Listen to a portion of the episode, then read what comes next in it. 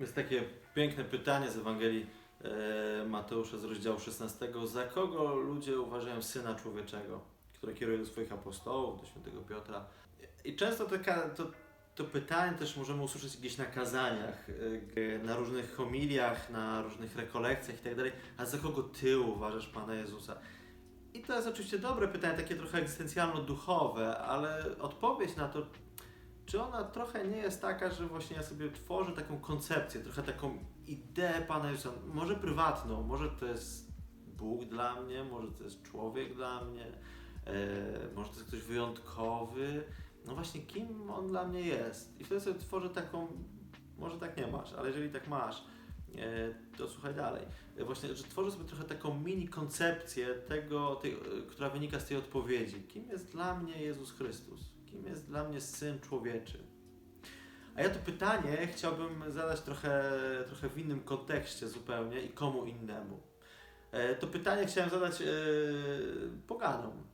Poganom, którzy żyli w starożytności e, i można by było ich zapytać, a za kogo wy uważacie Syna Człowieczego? Za kogo wy uważacie Jezusa Chrystusa? I tu będę miał kilka odpowiedzi. Pozwolę sobie założyć okulary.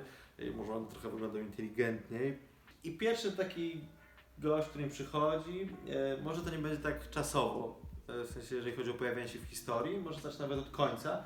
Był taki sobie pisarz, filozof e, grecki, żyjący głównie w Rzymie, ale nie tylko, Celsus, który był ogromnym w ogóle przeciwnikiem chrześcijaństwa, który bardzo mocno polemizował z Orygenesem. To jest też w ogóle ciekawe, że w tamtym czasie, czyli drugi wiek mamy, był poganin znany człowiek, filozof, pisarz i tak dalej, który polemizuje z chrześcijaninem. W tamtych czasach to naprawdę musiał być ktoś wielki wśród chrześcijan, e, wśród, yy, to nie był po prostu jakiś tam duchowny czy ktoś, tylko to musiał być naprawdę wielki umysł, którym właśnie był Orygenes, z którym mógł polemizować. On Orygenesa uważał za kogoś tak ważnego, że warto z nim polemizować, że warto z nim wejść w dysputę. E, coś myślę, co, co nawet dzisiaj nie jest takie częste. Okej, okay, ale Celsus uważa o tym, że Jezus Chrystus w ogóle, jeżeli był kimkolwiek, to był jakimś zwodzicielem, oszustem, magiem. Nawet taki, stworzył taki tekst, który napisze, że tak naprawdę to Jezus to był nieprawy syn e, Maryi i jednego z legionistów rzymskich imieniem Pantera, e, więc e, no, tak bardzo niepochlebnie się wyrażał o Jezusie. Niemniej to mówił o Jezusie. W swoich w jego pismach możemy o tym znaleźć. Kolejny taki człowiek, który przychodzi mi do głowy, to jest Swetoniusz, żyjący na przełomie I i II wieku, który także był pisarzem grecko-rzymskim, e, odbył także służbę wojskową. Zasłynął przede wszystkim swojego takiego dzieła żywoty cesarzy. E, I ona tam opisuje innymi to, że za Klaudiusza, jednego z cesarzy rzymskich, wypędzono Żydów, których podburzył niejaki Chrestos. Czyli tu już mamy jakąś informację, czyli Chrystus był kimś, kto podburzył jakąś grupę Izraelitów do jakiegoś tam buntu, czegokolwiek, a w ogóle po prostu podburzył przeciwko władzy rzymskiej.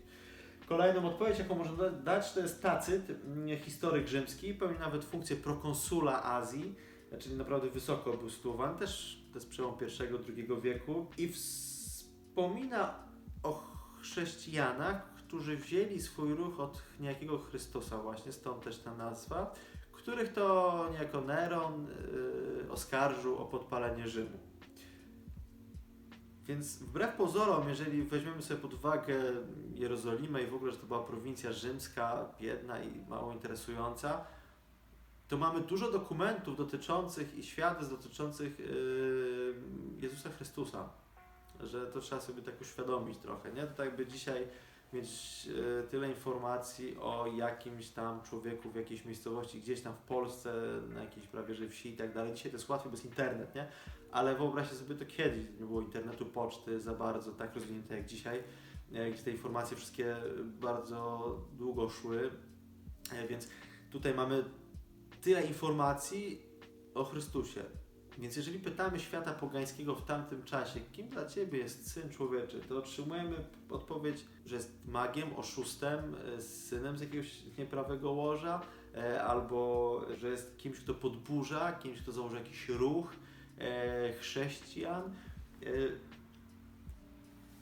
Więc tym albo taką osobą był Chrystus dla tych pogan, dla tych pisarzy i urzędników, i wojskowych, to zostaje jeszcze jedna ważna informacja po tym wszystkim.